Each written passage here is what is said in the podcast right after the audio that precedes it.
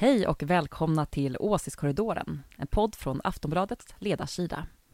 Idag ska vi prata om den nya regeringen som Ulf Kristersson just har berättat vilka som kommer ingå i. Vi kommer prata lite om Tidöavtalet och vad det här egentligen betyder för demokratin. En podcast från Aftonbladet Ledare. Åsiktskorridoren.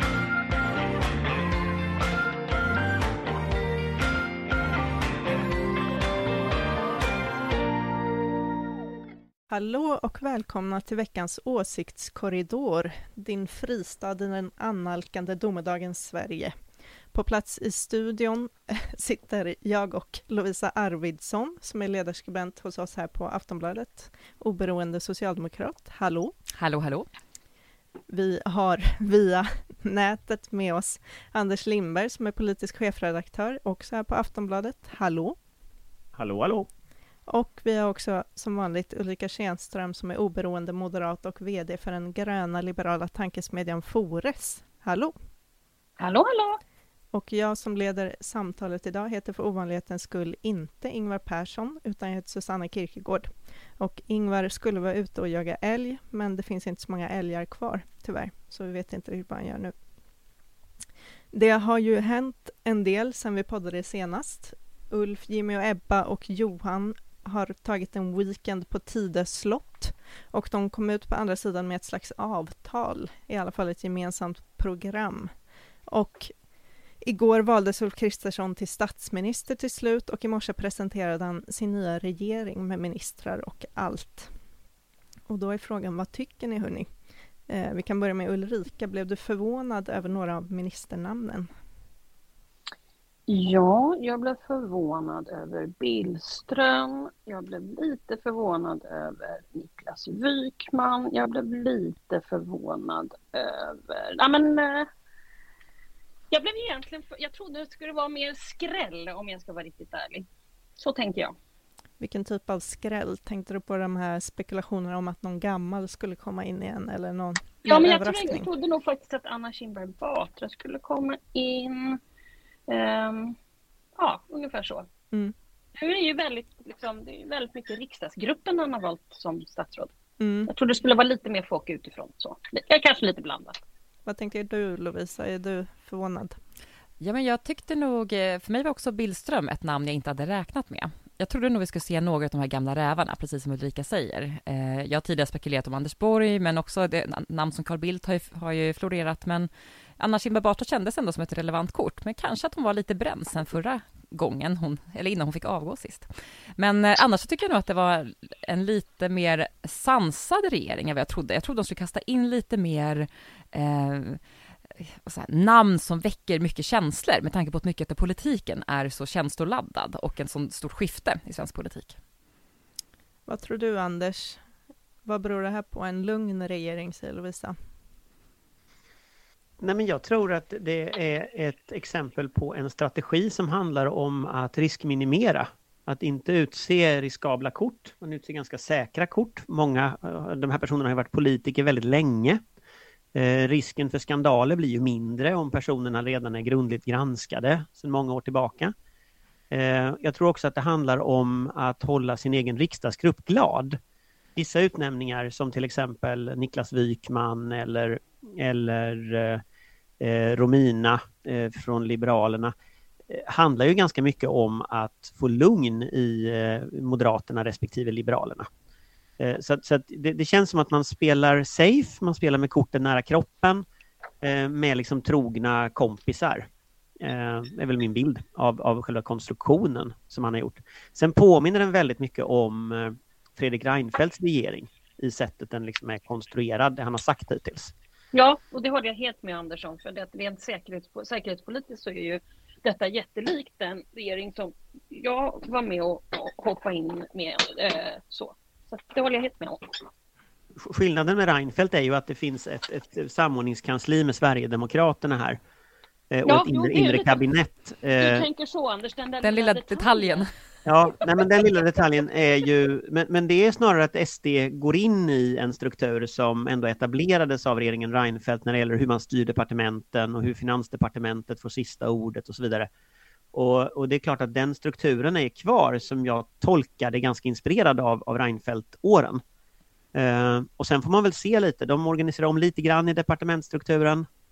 Eh, man får väl se om det blir bra eller dåligt. Eh, men ja, alltså det är ganska, ganska, man, ganska play it safe skulle jag säga. Ni nämnde, två av er i alla fall, Tobias Billström, att han förvånade som utrikesminister. Vad tänker ni där, Lovisa? Framförallt att han inte har profilerat sig överhuvudtaget inom utrikesfrågorna och det är så pass tunga frågor som eh, man gärna vill ha en väldigt stabil person som har också ett brett nätverk och brett anseende ute i världen. Eh, och det tror jag, tycker nog inte jag i alla fall, att Tobias Billström har levt upp till. Vad tänker du Ulrika? Nej men alltså Nej, jag, jag blev väldigt förvånad över det här. Jag trodde det skulle bli Henrik Landerholm, men det blir väl Landerholm som blir den här säkerhetspolitiska eh, samordnaren. Eh, men eh, ja, och sen om man tittar på Sverigebilden utifrån ehm, så eh, är det ju...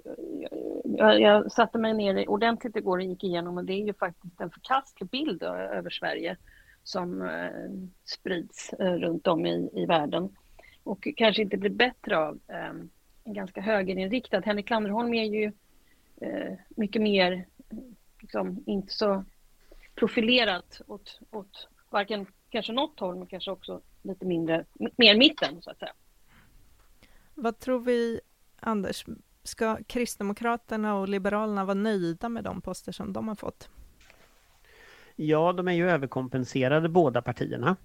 Och eh, det är väl ganska uppenbart att själva konstruktionen som den här regeringen har är att partiledarna har blivit departementschefer och eh, kommer ju att vara väldigt upptagna av sina områden.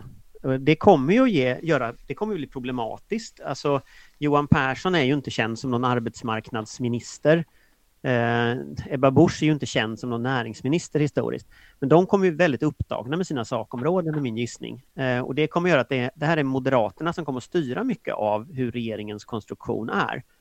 Man kan väl lite säga att Moderaterna styr makten medan SD styr innehållet.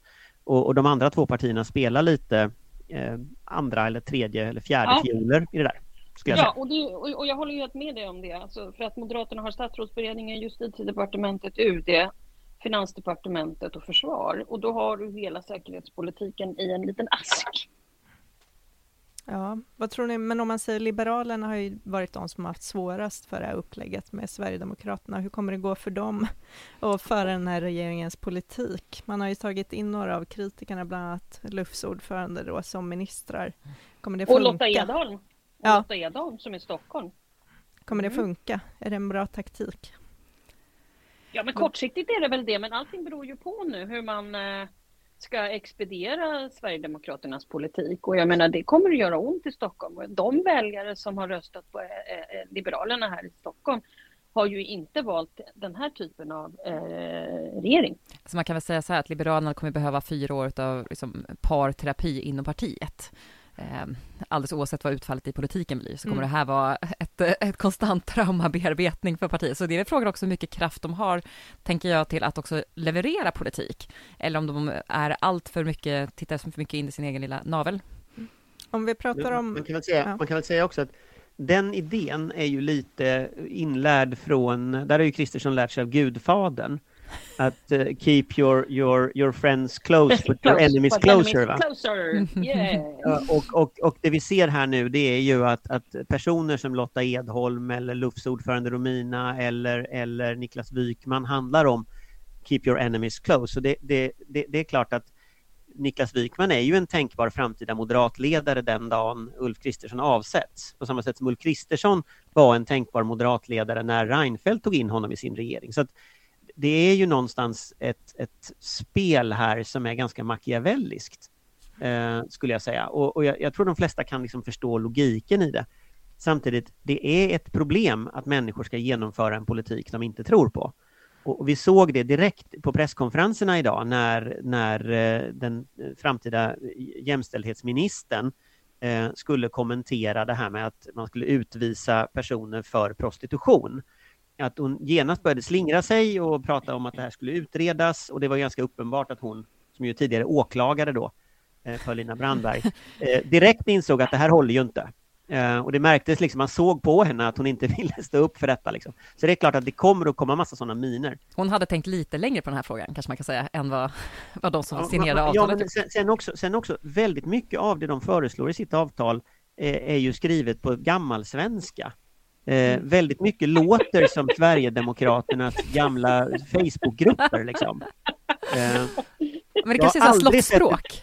Nej, men jag har aldrig sett ett program som har så mycket liksom avstavningsfel och konstigheter i sig, utan det här är ju skrivet direkt ur hjärtat, det märks ju. Och då handlar liksom, vad är det, 22 sidor, eller vad det var, 21 sidor av 60 om invandring. Därför att det var det liksom, vad hjärtat är fullt av talar munnen, står det i Bibeln. Det är väl det vi ser här. Men då, det är bra om vi backar lite och pratar mer om tidavtalet, för som sagt, det har hänt så himla mycket sen senaste gången vi poddade, så att man tänker att avtalet börjar kännas nästan lite, Old news. börjar kännas lite gammalt, eh, det här avtalet, men vi har ju faktiskt inte pratat om det än med lyssnarna. Eh, man undrar ju vad, vad var det som hände egentligen och kanske också hur mycket av det kommer bli riktig politik. Vad tror du Anders? Jag tror ganska mycket blir riktig politik, men jag tror inte det riktigt blir riktig politik som det står i avtalet, utan jag tror att det här kommer, vi ser liksom skuggorna av ett systemskifte här. Eh, men sen kommer ju verkligheten att eh, döda många av detaljerna.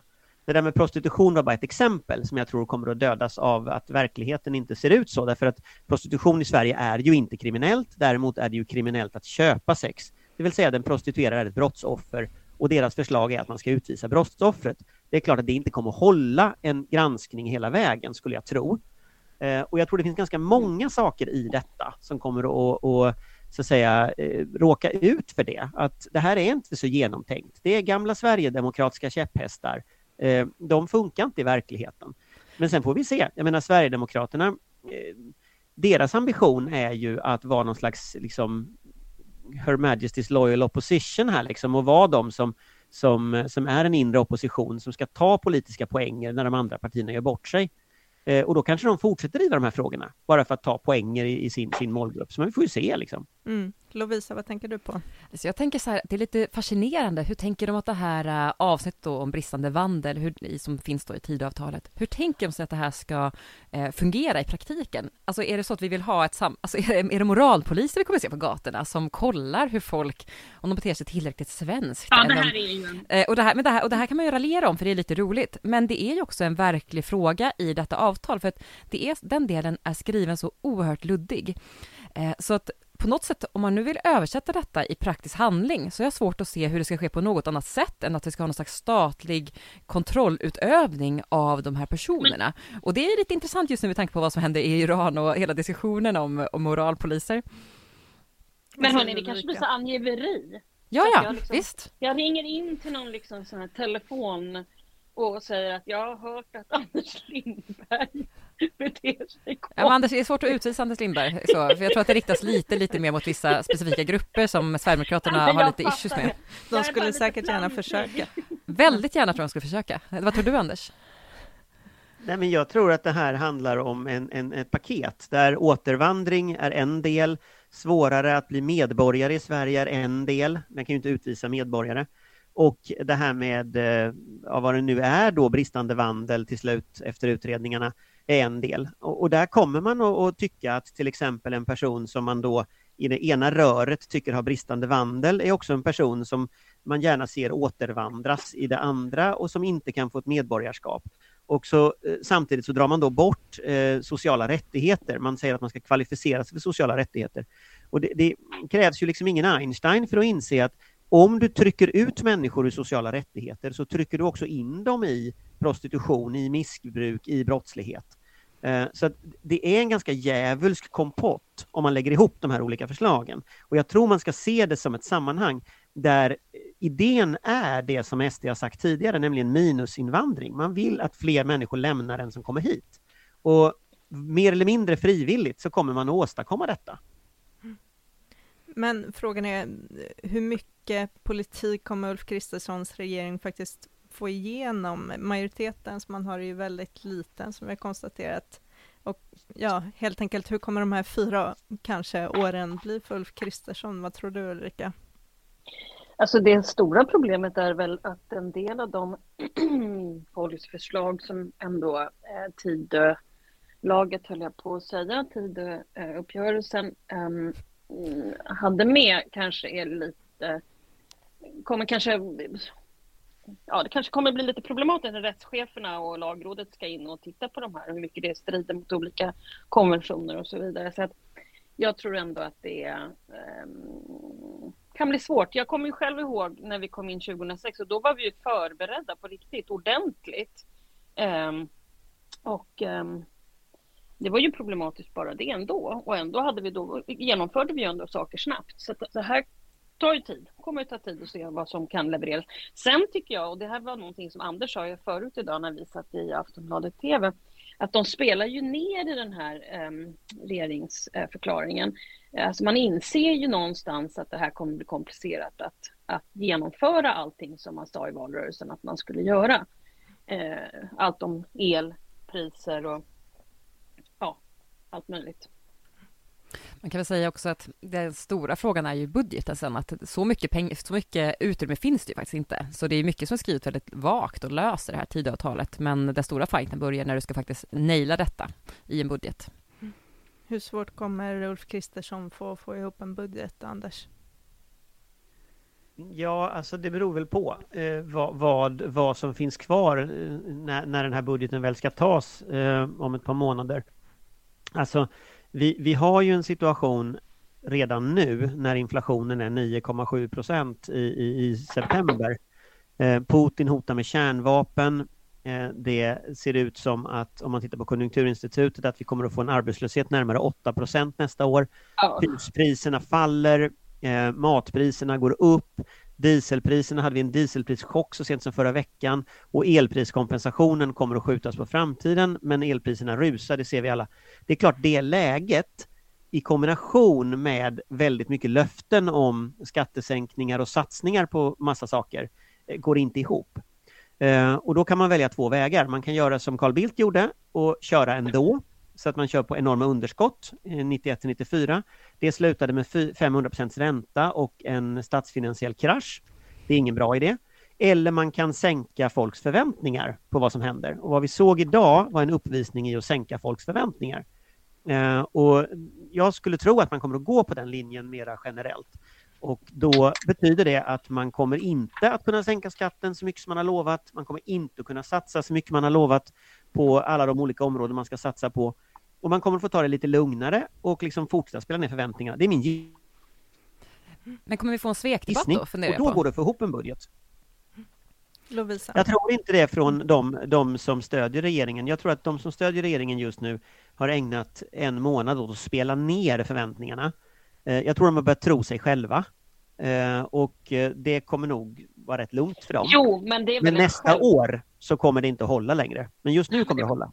Nej, men det är väl en självbevarelsedrift att de måste göra det med tanke på hur det ser ut med räntekostnader, inflation, krig i Europa, eh, energikrig från eh, Putins sida som vill gärna att Europa ska falla på något sätt och man ska bli ordförande för EU första januari. Det är ju, det är ju en övermänsklig arbetsuppgift som ska genomföras här.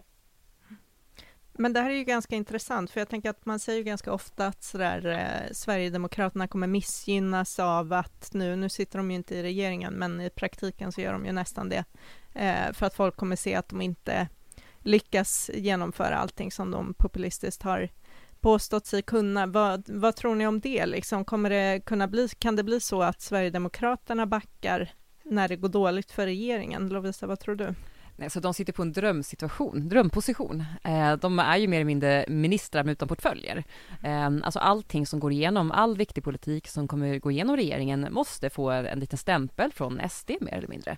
Och, men det är ingen som kan ställa dem till svars. Alltså de kan inte KU-anmälas, de kan inte, det kan inte vara någon misstroendevotum mot dem, för de sitter inte på den typen av positioner. Det är ett absolut drömläge och tyvärr tror jag nog så att många eh, utav väljarna generellt har ju inte helt pejl på hur detta, hur teknikaliteterna kring en, eh, hur, hur, man, hur man levererar politik så att säga riktigt går till. Så de kommer nog uppleva att de får mycket för pengarna och att eh, SD aldrig hamnar i något eh, blåsväder riktigt för att de inte går att ansvarsutkräva. Anders, var det du som ropade exakt? Mm, nej, jag, jag, jag, håller med exakt. Men ja. eh, jag vill bara komplettera med en Jag tyckte jag hörde att någon sa det medan Lovisa pratade. Det var ett spöke. Nej, men- Ja, det är så här, men- applåder från andra jag- sidan. Ja, ja, verkligen. Obehagligt. Okej, Anders, fortsätt. Nej, men jag tror ju att SDs strategi eh, speglades redan på valnatten. Jag tror det var Sören Holmberg som sa det i valvakan, att, att SD har gjort det här omöjliga, att de har ökat, blivit lika stora som S bland arbetare, lika stora som, som eh, M bland företagare och lika stora in, in, eh, som C bland bönder. Och att historiskt har det där inte varit möjligt i Sverige. De tre grupperna tycker helt olika och har varit liksom grunden för höger-vänster-konflikten. Nu lyckas SD få eh, en, att öka alla tre. Och jag tror att SD kommer att fortsätta försöka öka alla tre. Så de kommer att försöka bedriva opposition utifrån det perspektivet. Så vi kommer att se en slags inre opposition från SD som syftar till att vinna fler arbetare. Och där kommer det att handla om frågor om a-kassa, om, om sjukförsäkring och sånt. Eh, vinna fler bönder, där kommer det handla om landsbygdspolitik och, och, och glesbygd och stöd till, till, till eh, agrara näringar och vinna fler eh, företagare som jag tror kommer att handla om ganska mycket klasskrigsfrågor. Det kan handla om sånt som till exempel göra sig av med, med skyddsombud eh, för, för att förstöra för facket till exempel. Sånt gillar företagarorganisationerna. Så att jag tror att SD ganska systematiskt tänker vara en opposition på insidan. Och deras syfte är inte att vara stödparti till en moderat regering. Deras syfte är att Moderaterna ska vara stödparti till en regering de leder. Mm. Eh, Och det är det de siktar på just nu. Och de är väldigt väl placerade för det, tror jag. Tyvärr. Vad tänker du om det, Ulrika? Det sistnämnda, vad var då? Nej, men om SDs roll den kommande mandatperioden. Ja, men de kommer ju... Det här har jag ju tjatat om hur länge som helst. Jag vill ju verkligen veta hur han inte ska kunna eh, vara utsatt för att eh, efterkrävas ansvar när han ändå sitter, Jimmy Åkesson, i IK. Jag vet inte riktigt hur de ska, alltså inre kabinettet, förlåt. Eh, jag vet inte riktigt hur de ska lägga upp det där, därför att han kommer ju då, eh, om man då inte gör någonting åt det där, att han inte behöver utkrävas något ansvar, kommer han ju kunna vara både den som levererar innehållet, regeringen, eh, regeringen Kristersson expedierar eh, hans politik och sen så kan han samtidigt vara opposition och vara lite som Göran Persson en gång i tiden, gå omkring och tänka lite högt sådär. Mm. mm. Vad tror ni om stämningen bland, mellan de här samarbetspartierna? De lyckades ju komma överens till slut, men vad, hur, hur har de det egentligen, Lovisa? Jag tror att eh, Moderaterna, KD och Sverigedemokraterna har det jättefint ihop. De har nog skålat riktigt ordentligt eh, på det här lilla slottet. Eh, jag tror att Liberalerna spelar, eller så här, inte som inte spelar med, för många av Liberalerna vill ju detta. Men eh, jag tror att det här såret kommer finnas kvar. Jag tror inte att det läker ut, liksom, av att det kommer en kort liten diskussion nu i början och sen så det, har man tagit, rivit av det plåstret och sen är det över. Eh, så som det ändå någonstans lite grann var hos Moderaterna. När där när Anna Kinberg Batra fick gå. Men eh, jag tror att vi kommer, de kommer leva med den här, det här eh, skavet, den här mandatperioden. Men de andra tre partierna tror jag tycker här är lajbans. Mm. Men, men jag tror också så här att det kan bli problem med Liberalerna ifall det är så att man får igenom sådana saker som eh, deras eh, röda linjer en gång i tiden var. Att det kommer bli uppror här i Stockholm i alla fall. Det krävs bara två röster för att det inte ska gå. Så här, det är, den lilla mat matematiska detaljen kommer ju finnas kvar. Och när det börjar visa sig att det verkligen inte är liberal politik de kommer att få, då tror jag det kommer bli väldigt problematiskt. Det tror jag de är väl med, medvetna om.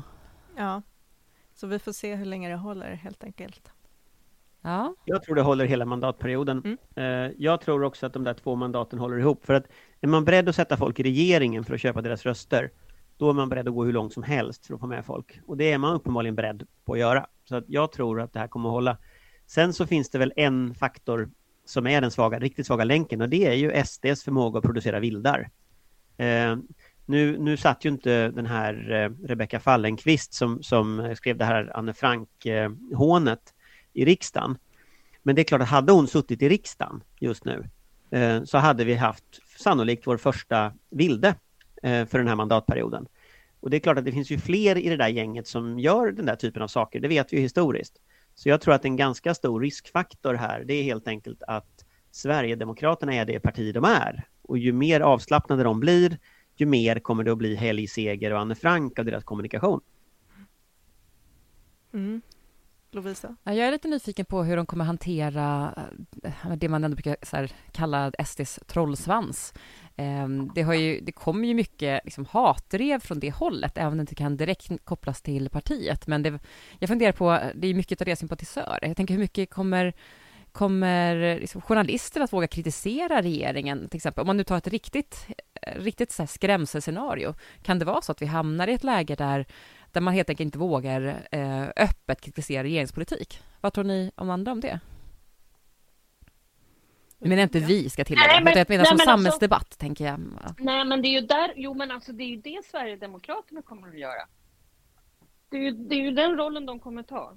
För då kan han vara både eh, liksom bestämma över politiken och vara i opposition. Det är jag helt säker på att han kommer att göra. För han har ju också sagt i Agenda i söndags kväll att han är inte säker på vad han kommer tycka om, om det som inte ligger i själva avtalet. Mm. Och under vägen här så ska det ju göras en massa andra saker som total krishantering dygnet runt. Så att eh, han kanske sätter käppar i hjulet och håller på. Det vet man inte. Mm. Jag tror också det finns ett annat problem med det där som, som Lovisa tar upp nu och det är att en stor del av Moderaternas riksdagsgrupp ingår ju själva i den där trollsvansen. Eh, och vissa delar av före detta moderata riksdagsgruppen ingår där och så. Så det är klart att här finns det ju en, liksom ett demokratiskt frågetecken kring den partikultur som nu ska förändras och bli liksom eh, det här vuxna i rummet som Kristersson pratar om. Det är klart att, att, att förfölja eh, kvinnliga journalister så att de inte vågar skriva, det är inte så vuxet i rummet. Eh, men det är ju det vi har sett de senaste åren från de här trollsvansarna. Och det ETC gjorde i valrörelsen, det var ju att koppla detta direkt till Sverigedemokraterna, de här, de här eh, strukturerna. Och det är klart att jag tror ju att Kristersson skulle kunna göra något åt det här om han ville. Och, och ju mer det liksom utvecklas, ju mer kommer det att bli ett problem tror jag, för samhällsdebatten. Eh, sen får vi se om Kristersson kanske gör något åt det. Alltså jag ska inte hålla det för otroligt att, att, eh, att han faktiskt menar allvar med att vara hela landets statsminister. Men det återstår i så fall att se. Mm. Ja, vi får se hur det går, är väl kanske temat för dagens podd. Eh, vi sätter kanske punkt där för idag, tänker jag. Tack så mycket Lovisa, Ulrika och Anders och framförallt tack till dig som har lyssnat. Nästa vecka är vi tillbaka igen och diskuterar förmodligen alla nya tokigheter som har hänt. Vi hörs då. Hej hej! Hej då! Hej hej! Hej då! En podcast från Aftonbladet Ledare. Åsiktskorridoren.